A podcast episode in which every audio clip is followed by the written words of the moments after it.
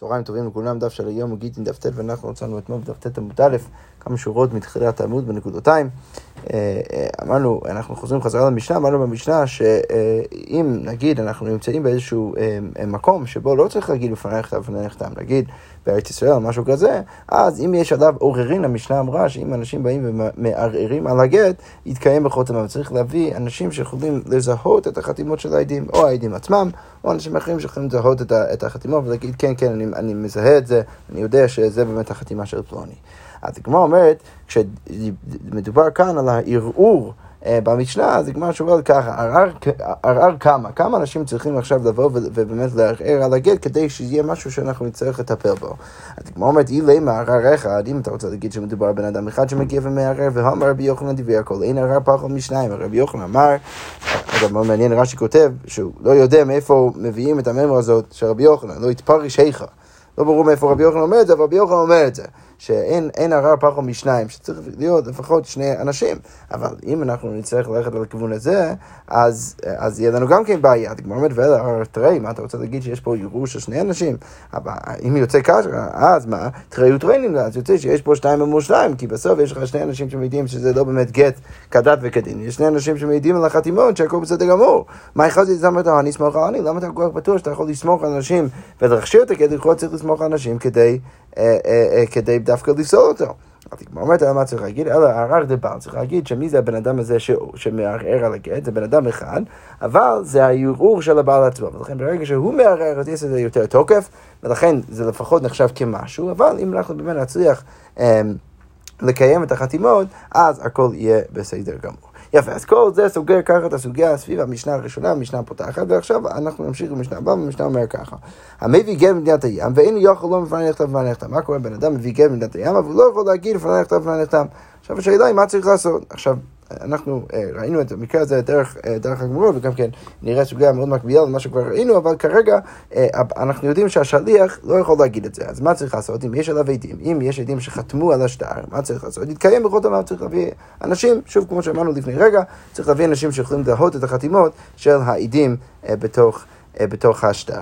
ממשיכה המשנה ואומרת, אחד גיטי נשים ואחד שחרורי עבדים. כל מה שאמרנו הוא נכון גם לגיטי נשים וגם לשחרורי עבדים שטר שמעיד על כך ש, ש, שהאדון משחרר את העבד. אז המשנה אומרת ששני הדברים האלו שבו למולך ולמביא הם דומים ושווים בזה שהמוליך והמביא מארץ ישראל למדינת הים, אז צריך להגיד בפני נכתב בפני נכתב. והמשנה שוב אה, ממשיכה ואומרת, וזו אחת מן הדרכים ששבו גיטי נשים לשחרורי עבדים. זה אחד מהדרכים, אנחנו ניכנס לזה קצת יותר בגמרא. אבל כרגע אה, המשנה אומרת, זה אחד מהדרכים שבהם שני הדברים האלו הם, הם שווים ודומים. אוקיי, אז לפני שאבל ניכנס לדיון סביב הסיפה, ניכנס קודם כל לדיון סביב הרישא. אז אמרנו ברישא שמדובר במקרה של בן אדם שלא יכול להגיד לפני נכתב ולפני נכתב. אז עכשיו השאלה היא, מה אינו יכול לומר? מה, מה, באיזה מקרה מדובר שבן אדם הזה, השליח פתאום לא יכול להגיד?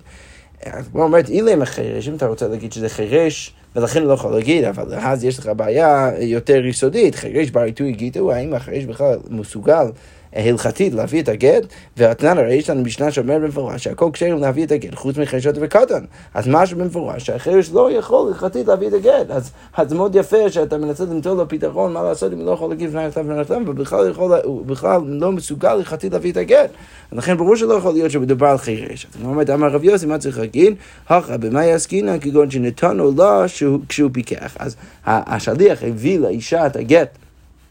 כשהוא עוד היה פיקח והכל היה בסדר, אלא שמה לא הספיק לומר בפניי נכתב ובפניי נחתם עד שנתרחש. הוא לא באמת הספיק להגיד את המשפט עד שהוא נהיה חירש, ולכן אה, אה, אפשר ליצור איזשהו מקרה שבו מצד אחד הוא קשה להביא את הגן, מצד שני הוא גם כן, אה, הוא גם כן בשלב שהוא היה צריך להגיד את זה, כבר לא יכול להגיד בפני נכתב ובפני נכתב, ולכן המשנה נכנסת בדיוק באותו רגע ואומרת שמה צריך לעשות, צריך לקיים את השטר על ידי החתימות של העדים.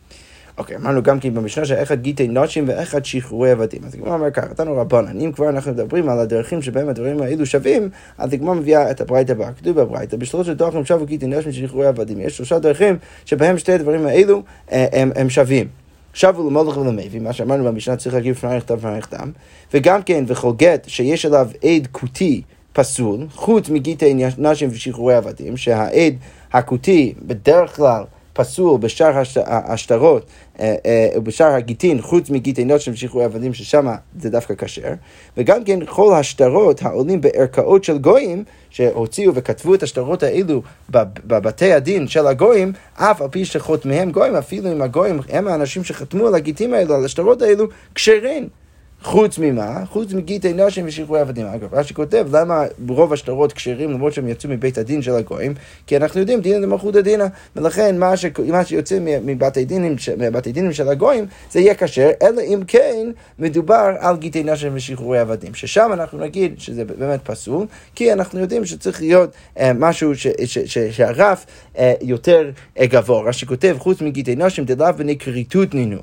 הואיל ולא שייכי בתורת גיטין וקידושין. אז ברגע שהגויים לא שייכים בענייני גיטין וקידושין, אז הם כבר לא, יכול, לא יכולים להשתתף בתוך uh, תהליך של כתיבת הגט וחתימת הגט, ולכן, uh, ולכן זה יהיה פסול. אוקיי, אז כל זה עבר בברייתא, שמצינו שלושה דרכים שבהם הם שווים. אבל הגמרא, מה שרב אומר, הוא כתיב רבי מאיר בארבעה, וכמו שרבי, לשיטתו של רבי מאיר, זה יוצא שדווקא יש ארבעה דרכים שבהם הם שווים, כי רבי מאיר מוסיף עוד אחד, שמה? האומר תן גט זה לאשתי ושטר שחרור זה לעבדי, בן אדם שאומר אה, אה, לשלוחו, תביא את הגט הזה לאשתי, או תביא את השטר שחרור הזה לעבדי, רצה לחזור בשניהם, יחזור את רבי מאיר. אז רבי מאיר בא ואומר שהוא יכול לחזור בשני הדברים האלה. אז באמת יוצא שיטו של רבי מאיר שיש עוד דרך שבה אני, אומר ששחרורי עבדים והשטר, שחרור של העבד וגיטי נשים הם שווים, שזה במקרה הזה שהוא שלח שליח וחזר בו, רבי מאיר יגיד שהוא יכול לחזור בו והכל בסדר גמור. אוקיי, אז עכשיו הגמרא אומרת, בשביל לרבון אני מבין את שיטתם מניון אל מעוטי הדר רבי מאיר. למה הם אומרים שלושה דרכים? כי הם רוצים למעט ארבעה דרכים, הם רוצים למעט את המקרה של מאיר, ששם החכמים לא מסכימים. אלא לרבי מאיר מניין למעוטי מים, אבל לשיטתו של רבי מאיר, למה הוא משתמש, ב, ב, למה הוא צריך מניין, למה הוא צריך מספר ארבע, הרי איזה עוד מקרה הייתי אולי חושב שהם שווים ורבי מאיר מנסה למעט אותו. אז הגמרא אומרת, זה בא למעט את המקרה הבא למעוטי הדתני, זה בא למעט את מה שכתוב בברייתא הבאה. כתוב בברייתא, עדים שאין יודעים לחתום, אז אם יש עדים שאני רוצה שהם יחתומו על איזשהו שטר, אבל לא, לא יודעים איך לחתום, מה צריך לעשות? מקרעים להם נייר חלק, אז אנחנו צריכים לשרטט בתוך הנייר את, ה, את החתימה שלהם, ואז הם מגיעים ומעלים את הקרעים דיו, והם שמים את הדיו בתוך השרטוט שאנחנו עשינו, שזה בעצם מאפשר להם לחתום בלי באמת לדעת איך לכתוב. ממשיכה הברייתא ואומרת, אמר רבן שמעון בגמליאל, במה דברים אמורים בגיטי נשים? זה, כל זה רק בגיטי נשים. אבל שחרורי עבדים ושאר כל השטרות, אז בשחרורי עבדים ושאר השטרות, אם יודעים לקרות ולחתום, חותמים. אם הם יודעים גם כן לקרוא וגם כן לחתום, אז הם חותמים. אגב, בסוגריים, אנחנו תכף נשאל את השאלה מי בכלל הזכיר את האפשרות לקרוא. לזה אנחנו עוד נחזור, אבל כרגע אנחנו רואים שאם הם יודעים לקרוא ולחתום, אז הכל בסדר גמור, ואם לא, ואין חותמים, לא יכולים לחתום, כי מדובר בשאר שטרות שאי אפשר, אי אפשר להקל ו- ו- ו- ולא מקלים בזה. עכשיו, לענייננו, מה אנחנו רואים? אנחנו רואים שיש מחלוקת בין התנאים סביב השאלה האם אני אומר שגם גיטי נשים וגם שחרורי עבדים, אני יכול להגיד אצלם שהעדים שלא יודעים איך לחתום אה, בכל זאת יכולים אה, לעשות את הטריק הזה ובכל זאת לחתום על השטר, או אני בא ואומר שיש בעצם חילוק ביניהם. אז הגמרא לכאורה רוצה להגיד שרבי מאיר, שגם הוא משתמש במניין, הוא גם משתמש במספר, ואומר שיש רק ארבעה דרכים שבהם הדברים האלו שווים, כנראה סובר שצריך לחלק ביניהם לענייני המקרה הזה שהעדים לא יכולים לחתום. עכשיו, כמו שהזכרתי, דרך אגב, הגמרא עכשיו שואלת את הבאה, רגע, זה מאוד מוזר קצת הניסוח של רבן שמעון גמליאל, שבא ואומר, פתאום הוא מכניס את העניין הזה של הקריאה, הוא בא ואומר, אם יודעים לקרוא ולחתום, חותמים, ואם לאו, חותמים. אז הגמרא אומר, קריאה, מה דחר שמי? מי, מי בכלל דיבר על הקריאה עד כדי כך שרבן שמעון גמליאל צריך לדבר על זה בהמשך. אז הגמרא אומר, חסור עם מחסר אבל קטנים. לא, באמת יש משהו חסר דווקא מהרישא, ודרך זה אנחנו יכולים להבין את שיטתו של רבן שמעון גמליאל שמגיע בסיפא. מה היינו צריכים, אה, איך היינו צריכים לגרוס ברישא? היינו צריכים להגיד ככה, הכי קטני, עדים שאין יודעים לקרות, העדים שלא יודעים איך לקרות, אז מה הם צריכים לעשות? קוראים לפניהם, צריך לקרוא בשבילם. את, ה, את הגט או את השטר, וחותמים, ואז הם חותמים על זה. ושאין, ושאין יודעים לחתום, אם לא יודעים לחתום, אז מקרים להם. עכשיו, לזה מגיע רבן שמעון בן גמליאל ואומר שכל זה נכון בגידי נשים ושחרורי עבדים ושאר כל השטרות, אם יודעים לקרות ולחתום חותמים, ואם לאו אין, אה, אין חותמים. יפה. אז כל זה סוגר את השאלה של, ה, של המספור, של למה אנחנו היינו צריכים מספר לכל אחד, לשיטת חכמים זה יותר ברור, זה בא למעט של רבי מאיר, רבי מאיר בא למעט את המקרה של העדים שלא יודעים איך לחתום. אבל עכשיו הגמרא בעצם שואלת שאלה יותר תשתיתית, ותו לקה, האם זה אומר נכון שיש רק שלושה או ארבע דרכים שבהם אני בעצם בא ואומר ששחרורי עבדים, שטר שחרורי עבדים וגיטי אנשים הם שווים? הרי לכאורה יש יותר דוגמאות. למה, מה אני יכול להגיד? והאיכא, הרי יש לנו גם את המקרה הבא. שהמקרה הזה מובא במשנה בדף י"ג עמוד א', ששם כתוב, ואומר תנו, זה, תנו גט זה לאשתי, ושטר שחרור זה לעבדי. בן אדם בא ואומר, תביא את הגט הזה לאשתי, תביא את השטר הזה, את שטר שחרור הזה לעבדי, ומת, ואז הוא נפטר, לא ייתנו לאחר מיתו. אי אפשר לתת את זה לאחר מיתה, מה שנקרא אין גט לאחר מיתה, אי אפשר להביא את הגט לאשתו של הבן אדם, או את השטר שחרור לעבדו של הבן אדם לאחר שהוא נפטר. אבל תנו מנה לפלוני, הוא בא ואומר למישהו, תביא אה, מאה כסף. אה, אה, אה, לבן אדם מסוים ומת ואז הוא נפטר, ייתנו לאחר מידה, את זה כן עושים לאחר מידה. עכשיו, מה משמע מזה? משמע מזה שדווקא יש עוד דרך שבה שחרורי עבדים וגיטי נשים הם באמת שווים. כי אנחנו רואים שאין גט לאחר מיתה גם לענייני גיטי נשים, גם לענייני השטר שחרור, שחרור העבד. הגמרא אומרת, אה, לא הבנת נכון. כי קטוני, כשאנחנו דיברנו על החילוקים בין, סליחה, על הדרכים שבהם גיטי נשים ושטר שחרורי עבדים שווים, אז התכוונו למה? כי קטני מילתא דלייטי בשטרות. אז אנחנו התכוונו משהו, למשהו שהוא נכון. שהוא לא נכון בשטרות, אבל מילתא תהייתי בשטרות לא קטני, אבל ברגע שפתאום אין דמיון מדויק ומיוחד בין שחרורי עבדים וגיטי נשים ברגע שמדובר על שטר, אז זה, על זה לא, לא דיברנו. אז בעצם מה אנחנו רוצים עכשיו להוכיח? אנחנו רוצים להוכיח שהשאלה הזאת של גט לאחר מיתה, הוא אמנם במשנה שדיברנו עכשיו יש איזשהו חילוק בינו לבין, אה, בין גיטי נשים ושחרורי עבדים לבין כל שאר השטרות, אבל ברגע, סליחה, לבין, לבין מקרה של נתינת כסף על ידי שליח, אמנם שם יש חילוק, אבל ברגע שאתה מכניס את השטר, אז כבר לא יהיה חילוק. זה מה שהגמרא אומרת. כמו שהגמרא מביאה עכשיו, תשלח רבי משמי דרבי אבאו. רבי שלח משמי דרבי אבאו, הבו יודעים, אתם צריכים לדעת, ששלח רבי אלעזר לגולה משום רבנו, שרבי אלעזר שלח לגולה משום רבנו, שזה אה, רבי יוחנן, שמה הוא שלח? שכיב מהרה שאמר כתבו ותנו מנה לפלוני, שהוא בא ואמר שצריך לכתוב שטר ולתת את השטר הזה. אה, אה, ששווה כסף של מנה לבן אדם מסוים, ואז מת, הוא מת, אין כותבים ונותנים, לא נותנים, ולא כותבים ולא נותנים. למה? כי שמא לא גמר להקנותו אלא בשטר ואין שטר לאחר מיתה, כי אולי הוא לא גמר להקנות את הכסף הזה לאותו הפלוני, אלא אם כן זה היה על ידי השטר, ואין שטר לאחר מיתה. ולכן מה אנחנו רואים? אנחנו רואים שיש עוד דוגמה, ש... סליחה, אנחנו רואים שברגע שאנחנו מכניסים את השטר, אז באמת החילוק שרצינו להגיד למעלה במשנה בדף י"ג עמוד א' בין שחרורי עבדים וגיטי נשים וכל שאר השטרון, הוא לא באמת קיים, כי ברגע שאתה מכניס את השטר, אז כבר אין חילוק, ולכן אה, לא היינו צריכים למנות את זה בהכרח ברשימה שהבאנו בתחילת הדיון. אוקיי, אבל הגמרא עדיין ממשיכה לחשוב ואומרת, רגע, והאיכא לשמה. הרי יש עוד דרך שבה שחרורי עבדים וגיטי נשים הם שווים, מה? שצריך לכתוב את השטר לשמה, לשמה של האישה, לשמו של העבד שמשחררים אותו, מה שאין כן בשאר השטרות. אז הגמרא אומרת, בשלמה לרבה אני יכול להבין למה היינו מולך ומביא. זה שזה לא נספר כעוד דרך אה, נוסף, זה בעצם בגלל שמה? שכבר הזכרנו את זה. לשיטת רבה, מה אנחנו יודעים? אנחנו יודעים שכל העניין הזה שצריך להגיד לפני נכתב לפני נכתב, זה בגלל הכתיבה לשמה. ולכן זה כבר כלול בתוך הרשימה, זה אני מבין. אבל לא לרבה קשה, ולרבה זה קשה. למה? כי לרבה הוא רוצה להגיד שזה, שהסיבה שצריך להגיד לפני נכתב לפני נכתב זה בכלל בגלל משהו אחר, בגלל שאין עדים ממוצעים לקיימו.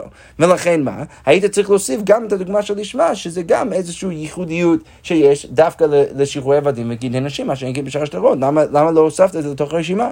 ותו, הגמרא אומרת, אני יכול להקשות בין לרב ובין לרב, האיכא מחובר. יש גם כן עוד דמיון ביניהם, שאי אפשר לכתוב את שתי הדברים האלו על קרקע שמחובר, על דבר שמחובר לקרקע. אז הגמרא אומרת הנה חינמי. אבל כי קטני, כשאנחנו דיברנו על, הדימ... על המקרים שבהם יש דמיון, אז כי קטני פסול דרבנן. אנחנו דיברנו דווקא על פסול מדרבנן, אבל דאורייתא לא קטני, והפסול של, אה, של לשמה וגם כן של מחובר לקרקע, שניהם מדאורייתא, ולכן, אה, אה, ולכן אנחנו לא הזכרנו את הדברים האלו, כי זה, זה, זה, אלו הם פסולים יותר עמוקים בתשתית הדיון, הם מדאורייתא, אנחנו רק רצינו להזכיר את הדברים שהם מדרבנן. אבל הגמרא אומרת, רגע, אבל לא כל מה שהזכרת הוא בהכרח נכון, זה בהכרח נכון שהוא מדי רבנן. והערכאות של גויים דפסול דאורייתא ובקטני, הרי ערכאות של גויים, ש, שעצם הפסול הוא על ידי זה שגוי חתם על השטר, זה פסול שהוא מדאורייתא ולא מדי רבנן. אז לא כל מה שהזכרת למעלה הוא היה רק מדי רבנן. אז הגמרא אומרת לא, שם מדובר על מה? מדובר על מקרה בעדי מסירה. מדובר על מקרה שיהיו שם עדי מסירה. וכתוב רבי אלעזר דאמר, במקומו שיטתו של רבי אלעזר, שהוא אמר עדי מסירה קרתי. עכשיו אלעזר אומר שעדי מסירה קרתי. לכן מה?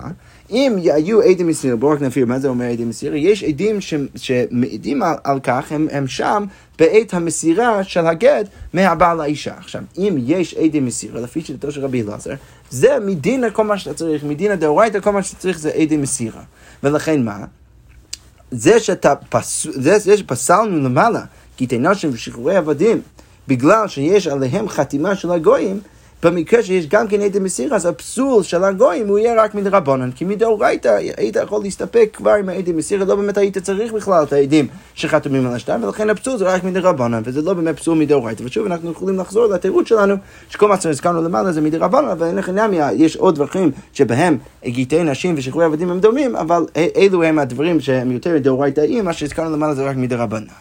הגמרא אומרת, אגב, המתקני סיפא, אתה יכול להסתכל בסיפא של המשנה שם, שכתוב, רבי שמעון אומר, אף אלו כשרים, אפילו, אה, אפילו הגיטין שיש עליהם חתימות של הגויים הם כשרים. למה? ואמר רבי זר, רבי זר הזה אמר, ירד רבי שמעון לשיטתו של רבי אלעזר. רבי שמעון מסכים רבי אלעזר, דאמר הייתי מסיר קרתי, שהוא חושב שהייתי מסיר קרתי. אז מה משהו מזה? שרבי שמעון מכשיר בגלל שעדי מסירה קרתי, והוא מדבר על מקרה שהיו שם עדי מסירה, מכלל, דתנא קמא סבר לא, מה משהו מזה? שתנא קמא סובר שאפילו אם יש עדי מסירה זה לא מספיק. והפסול הוא לא רק מדרבנן, אלא אפילו מדאורייתא, ולכן אנחנו עושים חזרה, לכאורה משהו שמה שהזכרנו למעלה, לפחות לפי שיטת הנקמה, זה פסול מדאורייתא. הגמרא אומרת, לא, אתה יכול להגיד שבעצם שניהם אומרים שמדובר כאן על פסול שהוא רק מדרבנן, ואיכא בעיניי הוא שמות מובהקים, אבל עדיין יש, יש חילוק ביניהם במקרה של שמות מובהקים, ששניהם מסכימים שמה, שאם יש עדי מסירה, אז הפסול הוא רק מדרבנן. אז איזה חילוק יש בין תנא ורבי שמעון? מה רבי שמעון בעצם מוסיף ברגע שהוא בא ומקל ואומר שברגע שיש עדי מסירה הכל בסדר גמור, הוא מוסיף את זה ש... אפשר להקל אפילו מדי רבנן באיזה מקרה? במקרה שהחתימות של, ה, של הגויים שם, הם, הם השתמשו בחתימות ש, שהם, הם, הם, בשמות שהם מובהקים, שזה שמות של גויים. ולכן אתה יכול להסתכל על השטר ולהגיד, מאוד ברור שהבן אדם שחתם על השטר הזה הוא גויים, ולכן אני לא חושש לשום דבר. למה? כי מה לכאורה הסברה והחשש? החשש לכאורה הוא ש... אפילו אם יש עדי מסירה, ברגע שיש גויים שחתומים על השטר, אז אנשים יגידו, אה, וואו, אה, אה, אז אני רואה שגוי יכול אה, לחתום על השטר, אז בטח כל בן אדם אחר גם כן יכול לחתום על השטר. עכשיו, כל זה רק במקרה שזה לא מאוד בולט, שמה שאני בעצם סומך עליו זה עדי מסירה. עכשיו, לכאורה אפשר להגיד שברגע שיש שמות שמובהקים, שם של גויים, אז שמה אפשר להגיד אפשר להגיד ששם אף אחד לא באמת יסמוך על זה, כל אחד יודע שמה שחתמו זה סתם שם של גוי, ובאמת ברור שסמכו על העדי מסירה, ולכן שם רבי שמעון יגיד שהכל בסדר גמור. ועל זה חולק תנא קמא ובא ואומר שזה לא בסדר. אבל איך שלא יהיה, גם תנא קמא מסכים שמדובר כאן על, אה, על פסול שהוא רק מדי רבנן. אוקיי, אבל הגמרא אומרת, רגע, אבל יש לנו עוד מקרה למעלה שהבאנו שלכאורה גם כן פסול מדאורייתא, והוא חזרה דאורייתא וקטני. מה אמרנו למעלה? עוד דמיון בין שחרורי עבדים וגיטי נשים. שוב, אנחנו בתוך התירוץ, למה לא הזכרנו שאר הדברים, את, את, את, את הכתיבה לשמה, למה לא הזכרנו? ואת הדמיון שאצל שניהם זה לא יכול להיות משהו שמחובר לקרקע. למה לא הזכרנו את הדברים האלו? אז אמרנו שהפסולים האלה מדאורייתא, כל מה שהזכרנו זה מדרבנן. אבל כאן הגמרא מקשה ואומרת, רגע, יש עוד משהו שלכאורה לא רק מדרבנן, אפילו מדאורייתא. חזרה זה דאורייתא. מה אמרנו למעלה? אמרנו למעלה שעוד דמיון ביניהם, לפחות אליבא דרבי מאיר, זה שהשליח יכול לחזור בו במשהו, סליחה, המשלח יכול לחזור במה שהוא שלח את השליח. עד שהשליח לא הגיע לאותו, לאותה אישה או לאותו עבד, הבעל יכול לחזור בו. והפסול הזה שהוא פוסל דרך זה שהוא מבטל את השליחות, זה פסול מדאורייתא. אז הגמרא אומרת, אלו כי קטני, נמי צריך לעבור לתירוץ אחר. כשאנחנו דיברנו על, ברשימה שלנו, אז מה דיברנו? מילתא דלתא בקידושין. אז דיברנו על דברים שהם לא שייכים לקידושין.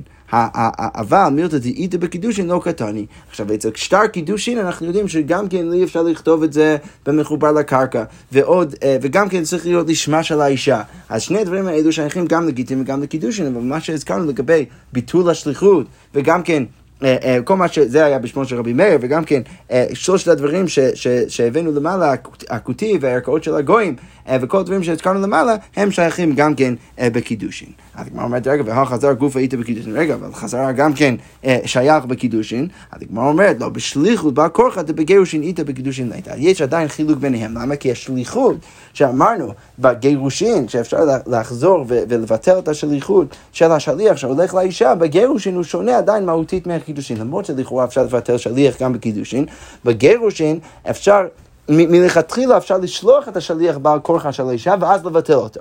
אבל בקידושין אי אפשר לשלוח בכלל את השליח בעל כורחה של האישה כי אי אפשר לקדש אישה בעל כורחה. ולכן שם יש, יש איזשהו חילוק מאוד מהותי שכבר בנוי בתוך המערכת ולכן אפשר להגיד שגם זה לא שייך בקידושין ולכן שוב כל מה שהזכרנו למעלה דברים שרק שייכים לקידושין אלו הדרכים שהזכרנו למעלה בדמיון בין גיטין ושחרורי בתים ולכן יש עוד דברים שהם דומים ביניהם אלא שמה?